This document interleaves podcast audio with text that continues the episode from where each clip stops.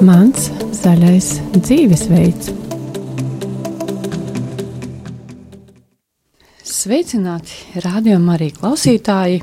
Ar jums šajā rudenīgajā dienā atkal rādījums Mans zaļais dzīvesveids. Šodien turpinām sarunu jau iepriekšējā raidījumā, kas bija aizsākta par upura mentalitāti. Kā to atpazīt, sevī, savā dzīvē un ko ar to darīt, lai tiktu no tā vaļā. Par to šodienas sarunā ar mūsu viesņu, psiholoģijas maģistri, māsu Inesi Ievu Lietavieti. Labdien! Labdien. Atgādināšu klausītājiem, ka arī jūs varat iesaistīties mūsu sarunā, sūtīt savas uh, īsiņas pa telefonu 266, 77, 272 vai zvanīt pa telefonu 67, 969, 131 vai arī sūtīt e-pastus uz adresi studija at rml.lv. Tāpat atgādinu, ka mums ir arī ziedojuma tālrunis, un tas ir 900 67 69. Ar jums kopā būšu arī es, raidījuma vadītāja Daiga Lakotko. Kādas ir tavas izvēles ikdienā?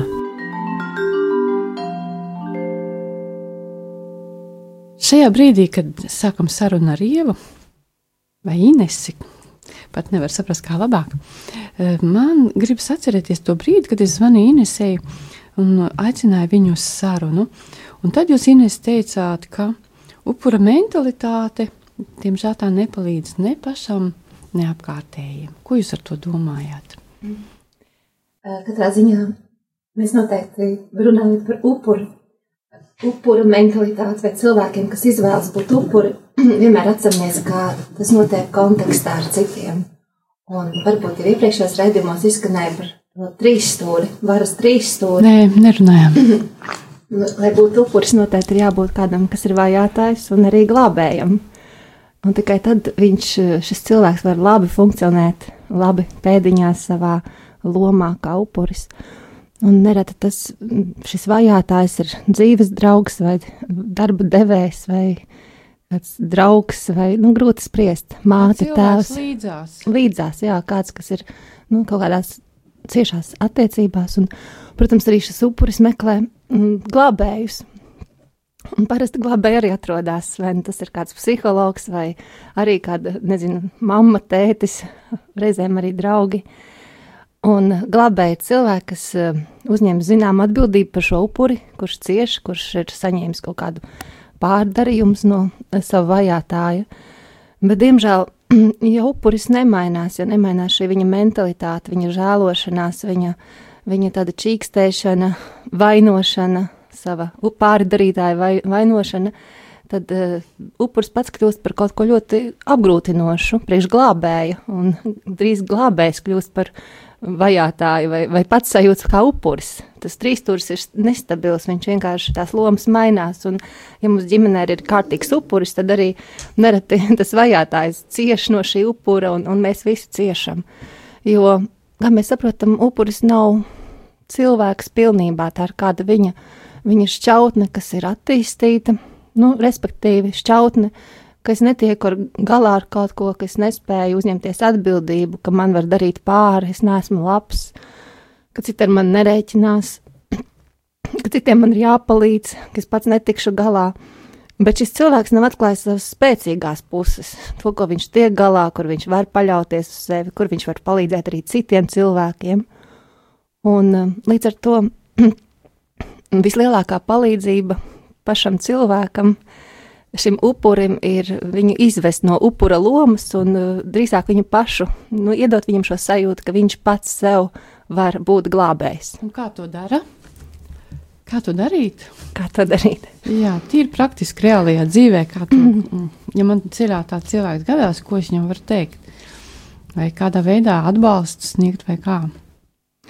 Es domāju, ka tas ir sarežģīts process. Un, uh, Pats svarīgākais ir apzināties, kurā brīdī ieslēdzas šis trīs stūris - upuris, vajātais, vajātais upuris un glābējs.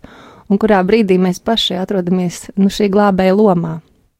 Jo mēs nevienmēr to piefiksējam, ka, ka mēs satiekamies ar upuri un esam uzņēmušies glābēju lomu šim cilvēkam.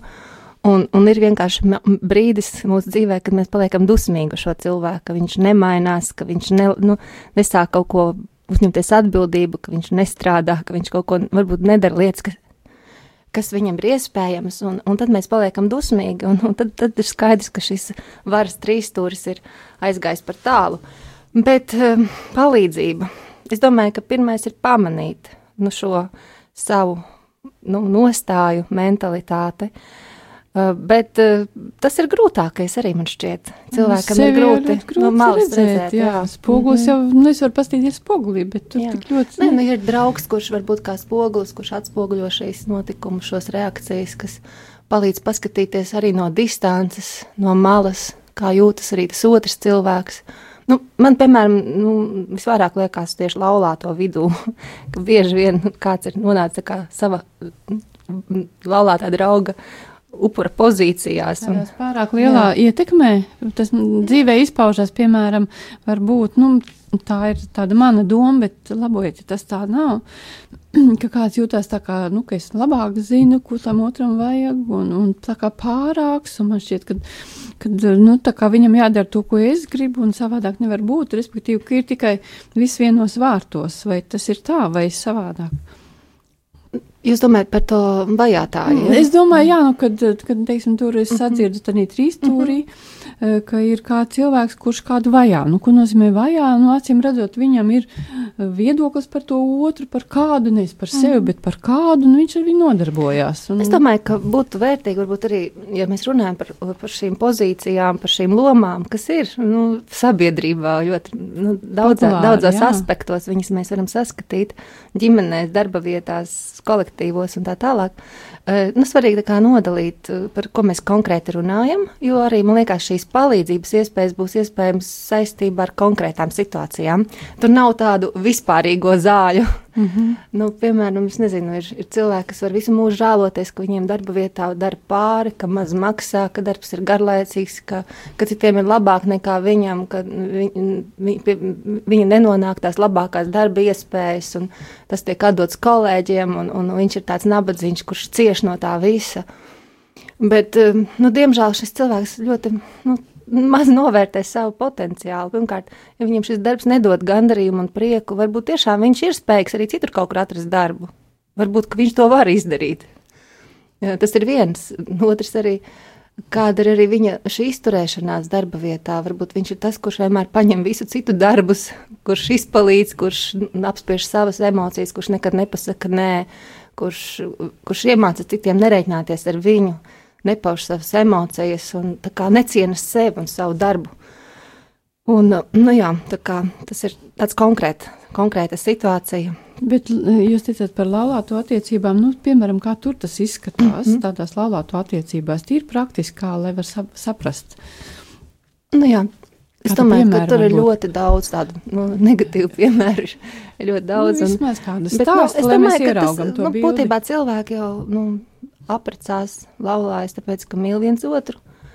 Bet, diemžēl, mēs uh, dzīvojot laulāto attiecībās, daram tā, kā spējam to darīt, kā esam iznesuši no savām mājām, no sava ģimenes modeļa. Ļoti bieži atspoguļojam savās, nu, izvēlēs, izturēšanās veidā, uh, nu, tos, tās schēmas, kas ir nākušas no ģimenes. Otrkārt, arī nu, sagaidām no tā otra cilvēka kaut kādas vajadzības, kas netikušas, nav tikušas apmierinātas bērnībā. Un nerad tas nonāk, nu, piemēram, tāds, tāds piemērs, ka, ka sieva ir ļoti tāda nu, laba. Cenšās, nu, ļoti laba, labs cilvēks cenšas. Nu, viņai laulība ļoti svarīga, vīrs, vīru viņš mīl, viņa mīl, un viņa ļoti izdabā vīram un cenšas tur māju sakārtot, strādāt, audzināt bērnus, būt laba. Mm, bet te pašā laikā nu, neizsaka savas sajūtas, savas emocijas. Un, nezinu, vīrs vakarā uzaicina tur sev draugus, iedzer viņu šņabīti vai vienalga ko. Viņa, viņa tā kā nepretojās un saka, nu labi, labi, lai atnāk tavi draugi. Bet, bet viņa ir tā, kas tur pirms tam to visu sagatavo, tur tās vakariņas, viņa ir bērni, ir paspēlējis vai, vai izpildījis mājas darbus, un viņai krājas rūkums. Viņai krājas kaut kas tāds, ka, ka viņa varbūt nerēķinās, ka atnāk draugi, un pēdējā brīdī viņa tiek nostādīta fakta priekšā, un tas atkārtojas, un vīrs tikai par sevi domā, nevis par viņu. Nu, turklāt, varbūt arī vīrs tur draugu klātbūtnē palielās, kāda viņam forša sieva, vai kāds viņš veiksminieks ir, un kā viņš te visu var viņam darbā un mājās viss tik ideāli. Un tad sieva sāk justies, ok, es esmu kalpone tev, jā, es esmu, te, nu, tad, nu, kalpone, tu esi vienkārši te labi iekārtojies, iekārtojies sev saimniecību ar, ar, ar mani. Un, protams, sekas var būt ļoti, nu, kā draugi aiziet, un, un vīrs apmierināts, bet sieva nav apmierināta. Vīrs jūt, ka kaut kas nav labi, un, un, un sieva ir uzmetusi lūpu, un, un, un griežas gultā uz otru pusi, un, un, un, un pēc tam, nu, labi, ja nav, nav vīrs aizmiega, bet sieva visu rītu, visu nakti, piemēram, raud par savu nu, nelaimīgo dzīvi, kā vīrs ir sabojājis viņas dzīvi, un cik viņa ir nelaimīga, un, un līdz pieciem raud un neguļ. Un, protams, ka tas ir no vienas puses ļoti tāds arī tipisks, nu, upuris vai cilvēks, kurš pasīvi pieņem lietas, un, un vīrs pat varbūt nenojauš. Nu, kaut kādā mērā arī viņš varbūt ir tas, kurš, nu, kuram ir jāmācās ieklausīties savas sievietes vajadzībās un pajautāt, vai, vai, vai saprast, ko viņa jūt patiesībā, tad, kad viņa neizsaka savus viedokļus. Bet te pašā laikā, nu, šī labā sieva, nu, teiksim, ne ir cilvēks, kurš cenš, viņš cenšas, viņš, viņš grib labu, Jā. bet, diemžēl, tās sekas uzvedībai, nu, nav nav, nu, nav nesniedz gandarījumu viņai pašai, un, diemžēl, arī attiecībām Otra, netraucē. Jā. Ja es sadzirdu šajā stāstā par šo labo sievu, kā es saku, pēdiņās, ka no vienas puses eh, tas ir pareizi un labi, ka mēs ieklausāmies otru cilvēku vajadzībās, bet droši vien pilnīgi nepareizi, ka es nesadzirdu, kādas ir manas vajadzības, un es nepastāstu otram, ok, labi, lai tavu draugi atnāk, bet varbūt izdarīsim arī kaut kādas tādas lietas, kas apmierina manas vajadzības, ja, kad uh, Es esmu daudz pāris stāstus dzirdējusi par labām attiecībām, un tad viņi uzsver, ka attiecības, ka ir tā, labas attiecības ir tādas, kur abām pusēm ir kāda loma, ja abas puses ir svarīgas, nevis tikai viena puse, kā šobrīd dara vīrs, ja jūs stāstā tiek uzklausīts un viņa vajadzības eh, tiek apmierināts, bet otra puse neko, ir nulle, tukšs un pēc tam brīnās, a, kāpēc otrs cilvēks nezina, ja, kā es jūtos un ko man vajag. Jā, Protams, ir nu, ļoti svarīga šī prasme atklāti runāt par savām vajadzībām. Pirmkārt, zināt, viņas apzināties, ko man īsti pašai vajag, bet arī atklāti paust ar cieņu pret otru cilvēku, ar cieņu pret sevi. Arī apzinoties, ka nevienmēr otrs cilvēks spēj izpildīt manas vajadzības, bet ir svarīgi, ka es par viņām runāju. Jo pretējā gadījumā nu, tas upura pozīcija vai, vai šis piemērs, ko es stāstīju, Nu, tas parāda tādu ļoti pasīvu uzvedību. Līdz kaut, kādai, kaut kādam līmenim, ka cilvēks ir pasīvs, pakārtojas citu cilvēku plāniem, vajadzībām, noliec savas vajadzības, domā, ka es esmu labs cilvēks, jo nu, tad beidzot man novērtēs, ka es esmu tik laba. Mm. Ja es tā klusi visu pacietīšu, un panesīšu, un darīšu, un kalpošu. Bet vienā brīdī tā, tā pacietība un paklausība pārvēršas par agresiju. Un tas ir šī pasīvā uzvedība, nu, otra puse ir agresija, un, un tad, tad upuris kļūst par vajātāju. Agresija ir tā pusē, kur tās vajadzības nav apmierinātas. Jā, jā? Jā. Jo nevar visu laiku turpināties bezgalīgi, kad jā. es apmierinu citu cilvēku vajadzības un manējās tiek ignorētas. Jā, jā. Tas ir tā cena, vai ne? Apspiešanas cena, agresija, kas laužas ārā. Un, Un, diemžēl to jūt ļoti apkārtēji. Un tad tu nevari saprast, kas notiek, kāpēc esmu tik dusmīgs kā mhm. puķis, un, mm -hmm. un kāpēc es tik laba, un pēkšņi vairs nē, un, un kaut kas pilnīgi savādāk notiek, un mm -hmm. attiecības un, pilnīgi tiek bojātas. Tad, bet um, tas, ko man vēl gribas tā kā pārjautāt jums, ko es arī redzu un sadzirdu šajā stāstā, kāda otrs, tad, tad viena no pusēm nepasaka par savām vajadzībām. Viņa neapzinās šīs savas vajadzības vai neuzdrošinās par to teikt, vai kas ir tas iemesls, kāpēc viņa nerunā par tām savām vajadzībām. Es domāju, ka noteikti jau ir, ir bijuši mēģinājumi runāt par vajadzībām, bet eh, mums jāapzinās, ka, eh, ka mums visiem ir kur augt un mācīties, un nevienmēr mēs spējam pateikt savas vajadzības tādā veidā, ka otrs to saprot, un arī, otrs, arī otrs cilvēks nevienmēr nu, māki ieklausīties tajā, kas mums ir svarīgs. Un var jau būt, ka ka šī sieviete ir paudusi savas, savas vajadzības, bet, bet bieži vien ir tās komunikācijas kļūdas, pie kā arī var strādāt. Ja mēs saprotam, ka laulībā kaut kas nenotiek, ka ir šīs kaut kāds disbalans, cilvēki savstarpēji jūtās izmantoti vai, vai nenovērtēti, nemīlēti, tad ir svarīgi runāt nu, vispirms par vajadzībām, kas katram ir, kādas ir katra vajadzības. Otrs atkal um, ir ļoti svarīgi runāt par komunikāciju, kā mēs runājam, ko mēs sadzirdam.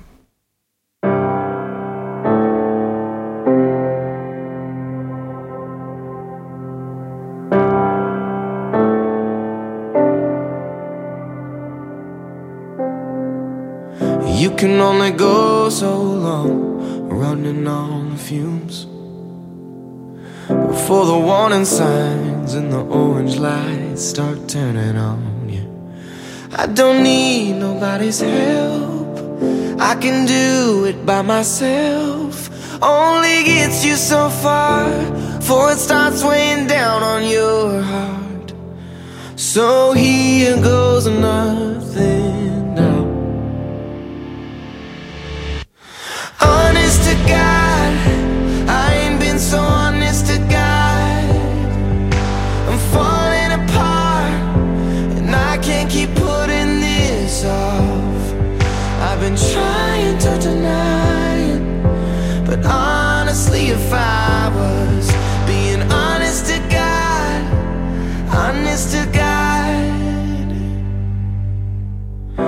don't make sense for me to keep dragging this on. Cause truth be told, you probably gave me this song with a whisper in my ear. But I ain't listening, I don't hear it.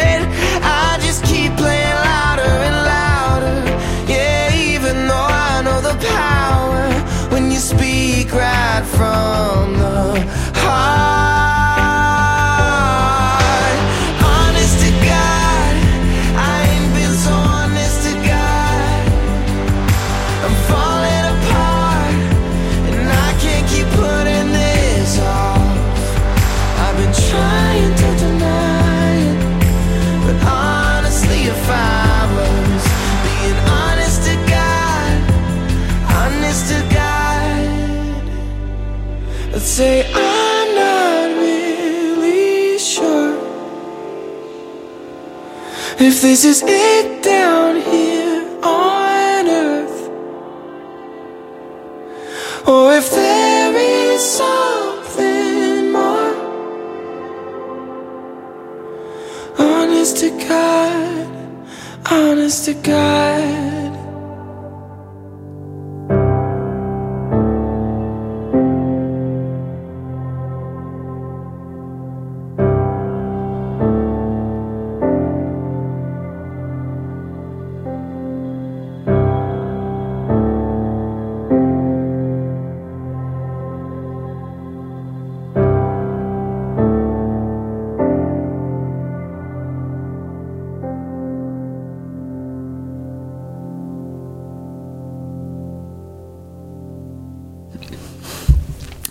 Šajā brīdī atkal atgriežamies studijā un atgādinu mūsu klausītājiem, ka šodien runājam par upuru mentalitāti, eh, tai raksturīgajām izpausmēm un kā to atpazīt sevi, ja tāda ir, un kur to darīt, lai tiktu no tā vaļā. Mūsu šodienas viesis ir psiholoģijas maģistre māsa Inese Ieva Lietuviete. Atgādināšu jums, ka arī jūs varat iesaistīties mūsu sarunā, eh, sūtot savas īsiņas pa telefonu 266, 77, 272 vai zvanīt pa telefonu 67, 969, 131. Arī sūtīt savu e-pastus uz adresi studija at rml.lv. Bet eh, šajā brīdī māsai jautājums tāds. Mēs jau iepriekšējā sarunas daļā sākām runāt par tādu lietu, mm, ko uzsver mm, visi cilvēki, kas ir bijuši tādā ilgākas attiecībās, konstantās. Īpaši tie ir par to runā cilvēki, kas bijuši laulībā. Viņi saka, ka jebkuru attiecību pamatu pamats ir dialogs, šo komunikācija. Jūs jau arī teicāt, ka tajās situācijās, kur tur ir tā upura mentalitāte, vai kur kāds kādu glābi vai vajā, vai tur vēl kaut ko dara, kā tur kaut kas nav kārtībā ar komunikāciju. Kas tad ir ar to komunikāciju? Kur ir tā vaina? Ko var labot? Es domāju, jā, tiešām komunikācija ir ļoti svarīga. Kaut gan pēdējā laikā es pieskāros, pamanīju tādu, man liekas, citu aspektu, kas vēl vairāk izsaka šo laulāto attiecības, un tā ir cieņa vien, vienam pret otru. Jo tur, kur ir cieņa, tur ir iespējams glābt komunikāciju un ir iespējams glābt attiecības. Mm -hmm. ir, ir, ir kāds brīdis laulāto vidū, kad zūd cieņa, un tad patiešām ir ļoti, ļoti grūti turpināt šo darbu, terapeitisko darbu ar attiecībām. Ieva, kas ir cieņa? Kā to ieraudzīt, kā viņa izpaužās? Es domāju, cieņa tā ir tāda. Mm, Pirmkārt, attieksme, ka es esmu cienījams, vērtīgs, un otrs cilvēks ir cienījams un vērtīgs, un ka viņam piemīt vērtīgas īpašības. Jo, diemžēl, ja mēs pārāk ilgi dzīvojam aizvainojumā vai kaut kāda veida upura pozīcijās, vai iedomāta, iedomāt vai reāli upura pozīcijās, mums zūd cieņa pret otru cilvēku. Mēs viņu sākam uzskatīt par tādu milzīgu egoistu, ļaundari, kurš man ir sabojājis dzīvi, kurš nedzird manas vajadzības, kurš grib tikai ļaunu priekš manis un, un, un, un, un, un ļoti daudz negatīvu tādu iekšēju domu ko, kas ir saistīts ar aizvainojumu, ar neizrunātām lietām, un to var saprast. Bet, diemžēl, zūd nu, tā pati pamata cieņa, ka es redzu otrā cilvēkā to, kas viņš ir, kas, viņš, kas viņā arī bija pirms apprecēšanās, un, un kas viņā joprojām ir, ko citi redz, bet es vairs neredzu. Jo ir priekšā šis aizvainojums. Jā, jā, jā, jā. Tā kā es domāju, cieņa ir tas svarīgākais, kas ir jāsaudzē vienam pret otru, un otrs tad ir šī komunikācija. Ja pirms mēs runājam par komunikācijas, tomēr eh, varbūt gribētu pievērst uzmanību šai te necieņai, šim negatīvismam, šim aizvainojumam, kas sakrājas un bojā attiecības. Tas ir tas, kas, acīm redzot, cilvēku šķir. Iespējams, ka cilvēki neprot ar to tikt galā. Un, un tas tā arī ir tā problēma. Kā tad dabūt nost šo aizvainojumu, lai mēs varam atkal cienīt viens otru un, un normāli dzīvi dzīvot? Atkal man šeit tas ir tas pats moments, kad ir jāapzinās, ka tas ir noticis ar mani, ka es, ka es esmu pārstājis cienīt otru cilvēku. Ka man ir dusmas uz viņu, jā, man nepatīk, ko viņš tur dara. Jā, milzīgs aizvainojums, vilšanās. Un tas ir darbs arī ar, ar tādiem dažādiem mītiem, kas man ir par, par, par mīlestību, par attiecībām. Jo nu, cilvēki dzīvo arī dažādās ilūzijās par, par attiecībām, Nu, vai, piemēram, par mīlestību, ka mīlestība, ja ir mīlestība, tad, tad cilvēki ir laimīgi, vai ja ir mīlestība, tad nekas slikts nevar notikt. Un, uh, ir daudz, ir daudz tādi nu, mīti, kas uh, ir saistīti ar, ar, ar šo nu, mīlestību. Piemēram, tas, kurš patiešām mīl, sajutīs manas vajadzības. Tas ir mīts. Es nesaku tas to. Neatbilst patiesībai, tas jā. otrs nav gaišreģis. Mīlestība atrisinās visas problēmas. Ar mīlestību varam mainīt otru cilvēku. Tas ir mīts. Un tā ir īstenībā liela pretenzija, ka jā, es uzdrošinos. Jā, un, un, un, un tad es jūtu to, ka nu, nē, viņš nemainās. Tas nozīmē, ka nav īsti mīlestība mūsu vidū. Patiesa mīlestība neko neprasa no otra. Patiesa mīlestība abiem vai nu ir, vai nav radīta. Nu, tad, tad vai nu, vai nu, pilnīgi tāds mm. vien, nu, balts vai melns. Arī tādi milzīgi mīti, kas attiecās uz stiprām attiecībām, piemēram, cilvēki, kuri mīl nekritizē, nedusmojas, mm. pieņem un ciena viens otru, saprot viens otru. Partneriem jābūt līdzīgiem personīgiem mērķiem, interesēm, vērtībām. Varbūt es sadzirdu tajā, ko jūs mm -hmm. sakāt, ka cilvēki izdomā visu kaut ko, kas viņam nepalīdz attiecībās. Jā, un... tas, tas nepalīdz uh, veidot arī to cieņu, jo mēs vienkārši redzam, ir tik daudz tā atšķirīgā, tik daudz tās vilšanās, tik daudz, kas nenotika tā, kā es biju cerējis, kā tas laulībā notiks, vai kā tam ir jānotiek, kā tam ir jābūt. Bet tie visi ir tādi iekšēji likumi, kas, kas aug nezinu, no, no kaut kādiem mūsu nu, bērnības uh, ilūzijām, un, un, un diemžēl mums kādā brīdī no tiem ir jāatbrīvojas un jāpieņem tas cilvēks, kas ir mūsu priekšā tāds, kāds viņš ir. Un, ar tādu pilnīgu apziņu, ka es esmu vērtīgs un cienījams, un arī otrs ir vērtīgs un cienījams. Bet tikai mēs reizēm neprotam sadarboties. Jā, jā. Jo es nezinu īsti, ko tas mm -hmm. cilvēks grib, un es nezinu, ko es gribu, un es nemāku pateikt. Vai arī ir tā sajūta, nu, ja viņam ir taisnība, nu, tad man nav taisnība. Ja jau man jāpiekrīt, ka, ir, ka viņš ir rīkojies pareizi, tad es esmu rīkojies nepareizi. Mm -hmm. Un ka, ka šī problēma, nu, tā kā aptver to, ka mm, problēmas rodās attiecībās, kad viena pagale nedeg un kaut kādā veidā mēs abi esam iesaistīti.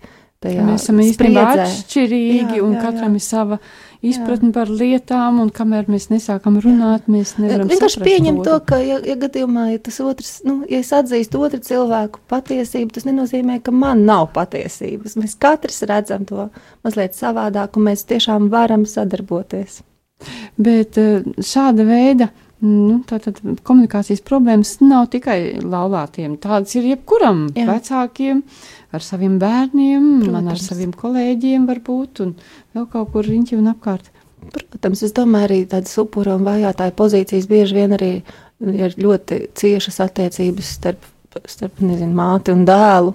Reizēm arī tas noved līdz līdzatkarībām vai kaut kādām nu, tiešām atkarību problēmām, alkoholismu, kas tiek ģimenē pat kaut kādā veidā uzturēts, lai tikai tas dēls nepamestu māti.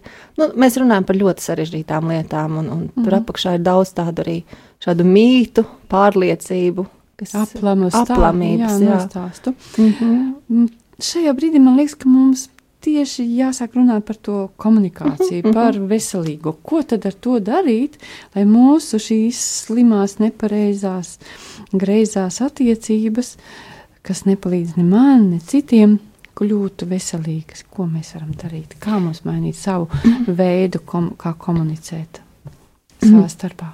Protams, um, cilvēki, kas nonāk līdz grūtībām attiecībās, ir komunicējuši savā starpā. Uh, Nevar viņiem pārmest, ka viņi nav teikuši par savām vajadzībām, ka, ka neko nav darījuši, un tagad pēkšņi nonāca tik, tik tālu un ir tik slikti.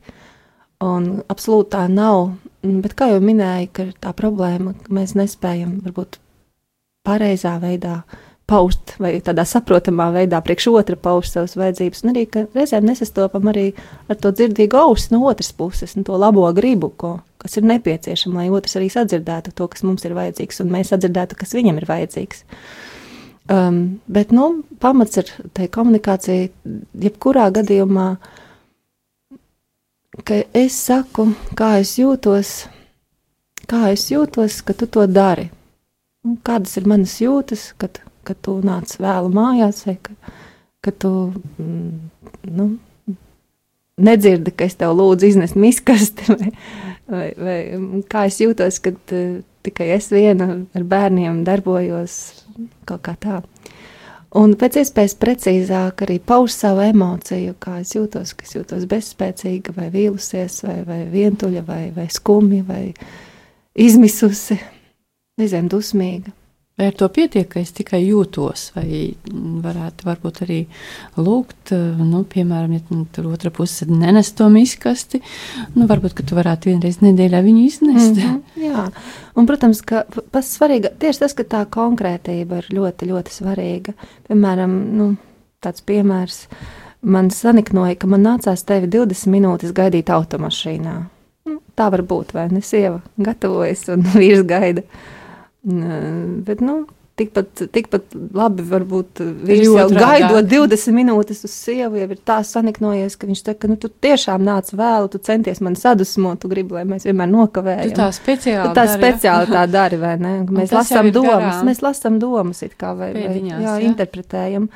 Un tas ir galīgi ap, mm -hmm. Vai arī, piemēram, nu, sieva var teikt, man kaitina tas, ka tu nenovilki apavus priekšnamā konkrēta lieta. Pielāčo istabu, nu, jā, kur, es kur es izmazgāju. Bet nu, man, nu, nu, tas, ka tu nenovilki un nenoliki priekšnamā. Bet lūdzu izdari to. jā, jā, nevis tu dari to tīšām, tu tā nerēķinies ar mani. Man nepatīk, ka citu cilvēku priekšā nicīgi runā par to, ka nemāku gatavot ēst, piemēram. Ja?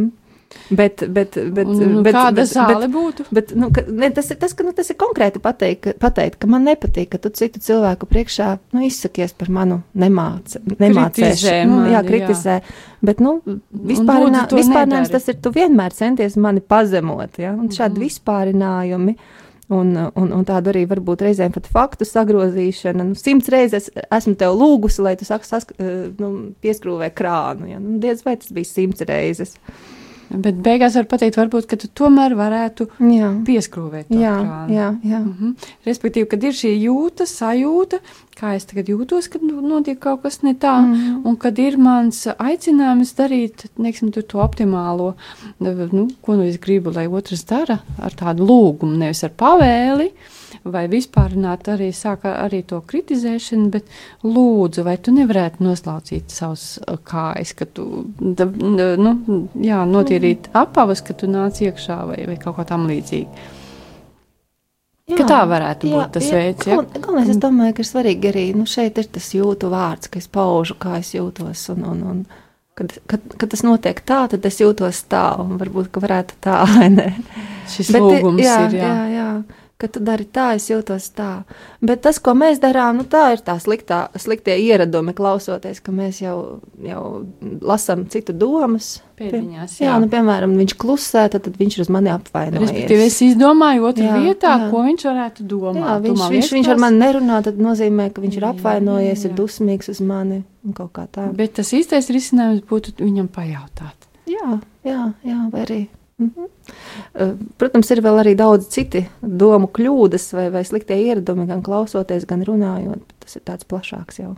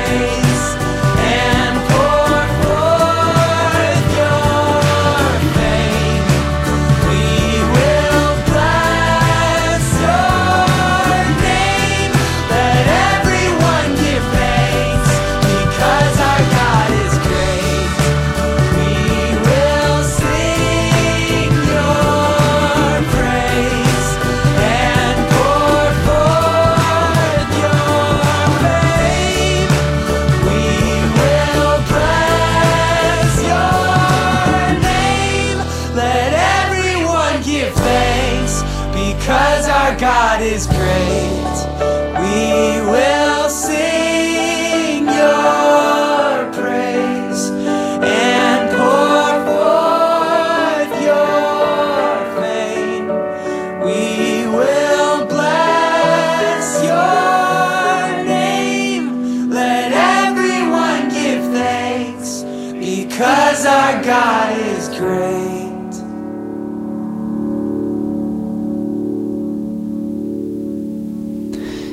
Atkal atgriežamies ēterā un joprojām runājam par upura mentalitāti. Tā ir raksturīgajām iezīmēm un ko ar to darīt, lai tiktu no tā vaļā. Un mums ir atnācis arī jautājums no klausītāja. Nolasīšu to un lūkšu iev, māsai ievai to komentēt. Ja es nevaru pieņemt kādu līdzcilvēka, kolēģa, dzīvesbiedra ieradumus vai dažkārt vienkārši klātbūtni, vai man par to runāt ar otru cilvēku, vai man ir tiesības šādas sajūtas paust otram? Ļoti, ļoti labs ir jautājums, kas arī, nu, domāju, ļoti saskana ar to, ko mēs šodien runājam. Un es domāju, ka ir tiesības runāt par to, ko es jūtu, un tas, kas, kas man liekas svarīgi, tas vārds ieradumi. Uh, Nevis pats cilvēks, bet Nevis pats ieradumi. cilvēks vai viņa klātbūtne, jo nu, tas jau ir tāds nu, teiksim, smags, smags, smags gadījums vai smaga situācija, ka man jau pati klātbūtne tracina un riebjās, un viņi negribētu redzēt. Nu, tur ir, ir, ir izaudzis jau tas aizvainojums ļoti dziļais. Mhm. Un to arī, diemžēl, tā gadās, un, un tas arī mums ir jāpieņem, ka, ka var gadīties, ka ir, ka ir tik tālu, tik smagi, ka ir grūti pat ieskatīties acīs šim cilvēkam. Bet tas nenozīmē, ka mēs nevaram būt blakām, pat ja, pat ja tas ir tā, jo Dievs mīl katru cilvēku un mīl arī to cilvēku, kuru man ir grūti mīlēt. Un, un, uh, man ļoti patīk Svētā Franciska vārdi. Viņš teica, ja tu nevari darīt labu, tad nedari vismaz ļaunu. un, ja tu nevari mīlēt savu brāli vai, vai darīt viņam labu, nu, tad vismaz nedari ļaunu vai, vai pieņem viņa klātbūtni tādu, kāda viņa ir. Bet, ja runa par ieradumiem, nu, tas ir, liekas, labākais, ko mēs varam runāt, vai, vai paust savas sajūtas. Ja tu dari tā, tad es jūtos tā, par ko mēs jau runājām. Un, un, un tas ir brīnišķīgi, jo tad cilvēks arī dzird, nu, ka, ka tas, ko viņš dara, varbūt nevienmēr visiem liek justies labi vai Vai pozitīvi. nedara reizēm? Jā, jā, jā. Un tas ir no vienas puses tāds atspoguļojums, kaut kāds spogulis, tu saņem kaut kādu atgriezenisko saikni par savu uzvedību. Otrkārt, mm, tā ir tāda iespēja arī laboties, mainīties. Tā ir izaugsmas iespēja tam otram cilvēkam. Jo, ja viņš nezina, kā, kā, kā, kā viņa ieradumi ietekmē tevi, tad Ja viņam, tas cilvēks, tos, kas apkārt ir, jā, tad viņš pat nenojauš, vai ne, ka ar savu, savu ieradumu viņš kādam varbūt sagādā pamatīgas ciešanas. Un, un tai pašā laikā mums ir jā, jāapzinās arī tas, ka nu, nu, nevienmēr citiem cilvēkiem ir jāmaina uh, savi ieradumi vai savs, savs izskats vai savas nezinu, īpašības tikai tāpēc, ka man viņas nepatīk. varbūt man ir kaut ko pašam sevi vajag varbūt, mainīt. jā, varbūt, vai varbūt tā ir iespējams vis, abiem kaut kādā veidā augt, tādā lielākā atvērtībā vienam pret otru un pieņemot to dažādību, kas ir mūsos. Jā, mēs jau šajā brīdī mums ir ļoti maz laika palicis. Drīz būs jābeidz šī saruna, jo mūsu iet ir laiks tuvēs beigām. Uh, Bet gribētos vienu lietu tomēr kā izcelt vai, vai kurai pievērst uzmanību. Tas, ko mēs tagad runājam par to, ka es pasaku, kā es jūtos, es lūdzu, tad, ja es jūtos traucēta vai traucēts, ka es saku, lūdzu, vai tu varētu varbūt darīt savādāk, vai to sauc par atbildības uzņemšanos, vai kas tas ir? Kas, eh, par atbildības uzņemšanos, kas palīdz man tikt galā ar šo upuru stāvokli, kurā es esmu it kā nonācis vai nonākusi. Jā, tas ir kaut kas no tā izejas, izejas ceļa, ka mēs uzņemamies eh, atbildību. Šajā gadījumā mēs eh, darām to, kas ir mūsu uh, varā. Mēs pasakām, kā mēs jūtamies un kā mēs vēlētos, lai tas būtu, vai, nu, kā, kā, kā mēs vēlētos risināt šo situāciju. Mēs kļūstam aktīvi mēs vairs neesam pasīvi. Kad mēs pasīvi, jā, tas nozīmē ciešam, sūdzēšanos, žēlošanos, žēlošanos cepšanos, tādu pie sevis klusībā, jā, jā, nepateikšanu, jā, jā, vai, vai iekšēji tādu nu, vārīšanos par to un, un dusmošanos. Un, bet te pašā laikā es nepasaku skaļi tam otram cilvēkam, kas ar mani notiek, kā es, kā es to redzētu. Vai es nerisinu to situāciju, es vienkārši ciešu, pieciešu, nesu kaut kādu upura to smagumu. Jā, šajā brīdī vēl te ir turpinājums mūsu jautājumam. Otrā daļa ir atnākusi tikai tagad. Vai varētu dot īsi arī to pakomentēt? Mani nekaitina konkrēti cilvēku ieradumi vai pat cilvēks, bet ieradumi, kas ir vieni un tie paši, bet izpaužas dažādos cilvēkos. Un dažkārt cilvēki kā tādi. Ko jūs teikt par to? Tas tāds vispārēja lieta. es domāju, ka ir diezgan nu, tāds vispārējs. Es arī paldies par tādu paturpinājumu komentāru, vai ne, kas tā kā vairāk atspoguļo situāciju, bet, bet nu, ir grūti man šķiet ar vienu tādu teikumu atbildēt uz to visu. Jautājums, kas te ir par ieradumiem, kas ir vieni un tie paši dažādos cilvēkos, un, un uh, ko tas priekš manis nozīmē, ka man tas kaitina kas tas īsti ir. Jo, jo tur, jābūt, tur būtu jāzina konkrētāk, man šķiet, lai atbildētu. Jo vai nevarētu būt, ka šajā gadījumā tā situācija, ka ir kaut kas, kas ir manī pašā, bet mani kaitina citos, un tas, kas ir manī, kad nāk man dziļi no kādas pagātnes līdzi, un, un es negribu paskatīties sevi un to mainīt, bet es to redzu citos, un es gribu viņus izlabot, lai mana tā dzīve mm. veidojas ērtāk. Vai tas nevarētu būt tas stāsts? Varbūt, bet ne tikai. Ir arī kaut kādas citas lietas, kas mums ir svarīgas un kas varbūt citiem cilvēkiem nav svarīgas. Un, piemēram, nezinu, ja, ja cilvēks grib saplānot lietas, grib kontrolēt notikumus, vienmēr ir laikā, un kāds nepārtraukti kavē vai, vai, vai nu, nostāda dažādas neparedzamās situācijās, nu, protams, ka tas ļoti kaitina tos cilvēkus, kam ir šī vajadzība pēc paredzamības un kontroles. Un, un ja tas ļoti atkārtojas, un man vienmēr viņi tracina tādu cilvēku, un jebkas, kas notiek ārpus rāmjiem, tas man ļoti tracina, tad es varu uzdot sev jautājumu, no kurienes man rodās šī milzīgā nu, kontrole, vai tā ir trauksme, no kurienes tas nāk, un tas parasti ir kaut kur ar bērnību saistīts. Bet, nu, katrā ziņā nu, mūsu emocijas runā par mums pašiem, un tas ir ļoti vērtīgi. Un to nevajag uztvert kā, kā, kā kādu negantību vai, vai, vai cik slikti, ka es jūtos aizkaitināts, jā, ka es esmu slikts, ka es jūtu dusmas vai aizkaitinājumu pret šādu, šādu veidu cilvēkiem vai, vai šādiem cilvēkiem šādiem, šādiem. Tas kaut ko par mani stāsta. Var, var gadīties kādu, piemēram, tracina alkoholiķi, kā, kā, kā, kā, kā cilvēku. Kā parādība. Kā parādība, smaka, vai, tas ir kaut kas briesmīgs, bet nu, tur apakšā ir ļoti daudz, varbūt, ar aizvainojumu, kas ir saņemti tieši caur, caur cilvēkiem, kas ir lietojuši alkoholu, un to var saprast. Un tās emocijas viņas parāda, ka manī šī lieta ir svarīga, ka man tas sāp, ka man tas kaut kur nav pieņemams. Un tā ir tāda informācija priekš sevis, ka, ka tas priekš manis vairāk kaut ko nozīmē. Bet labā ziņa tā, ka ar to var kaut ko darīt. Jā, es vismaz sevi iepazīstu. Un nav tā, ka es varu izmainīt cilvēkus. Tas arī ir ļoti, ļoti liels mīts, ka mēs kādu varam izmainīt. Mēs varam izmainīt sevi. Tas jau būtu ļoti daudz. Kaut gan dziļi iekšā mums jau gribās tos citus sakārtot, tā kā gribās, Jā. bet šī pretenzija īstenībā ir ļoti nepamatota. Un tā labā ziņa ir tā, ka, ka mēs varam un, un mums vajag kaut ko darīt pirmkārt ar sevi, un tad pasaule mainās mums apkārt. Jā.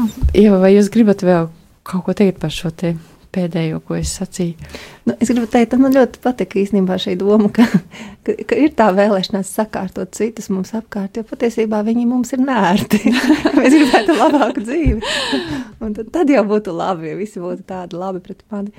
Bet, bet jā, pasaule ir tiešām ļoti, ļoti krāsaina. Mēs esam ļoti dažādi un, un, un ir kur augt. Un, un katrā ziņā ļoti gribās novēlēt, lai mēs arī neskatāmies uz to visu tā ļoti sekli vai, vai nedzīvojam tikai kaut kādās vienpusīgos skatījumos, ak, nabaga upuris vai ak, nabaga kas tur. Bet patiesībā katram ir šīs iespējas cīnīties par sevi, attīstīties un, un ieiet šajā upura pozīcijā. Tas nozīmē vienā brīdī, ka šis cilvēks kļūst arī par par kāda cita vajātāju. Mm. Ne, viņš var, var, var vienkārši krist uz nerviem un uzbrukt ar savu neapmierinātību, dusmām un pretenzijām pret visu pasauli. Kā, tas nav viennozīmīga loma, un līdz ar to nekādā veidā nevajag to nostiprināt, tikai veicināt to, ka cilvēks saka, jā, kaut ir lietas, ko es nevaru mainīt savā dzīvē, bet ir lietas, ko es varu mainīt. Un tad mans pienākums ir mainīt to, ko es varu izmainīt savā dzīvē, arī attiecībās ar, ar sev tuviem cilvēkiem. Un, Un, un nebūt visu, es vēl neesmu pamēģinājis. Un kaut vai tie, šī pati komunikācija, bieži vien mēs sakām, jā, bet tas nestrādā. Nu, ja tu to dari, tad tas strādā. Lūk, tā ir labā ziņa, ka kaut ko mēs varam darīt, lai mūsu attiecības, lai mūsu dzīve top skaistāka. Un ar šiem vārdiem mēs šodien arī beigsim mūsu raidījumu. Es teikšu sirsnīgu paldies māsai Ievai Inesei, ka bijāt ar mums un dalījāties savā zināšanās. Es teikšu paldies mūsu klausītājiem, ka bijāt kopā ar mums. Paldies par jūsu jautājumiem, par jūsu interesi. Un no jums atvados arī es raidījuma vadītāja Daiga Lakotko.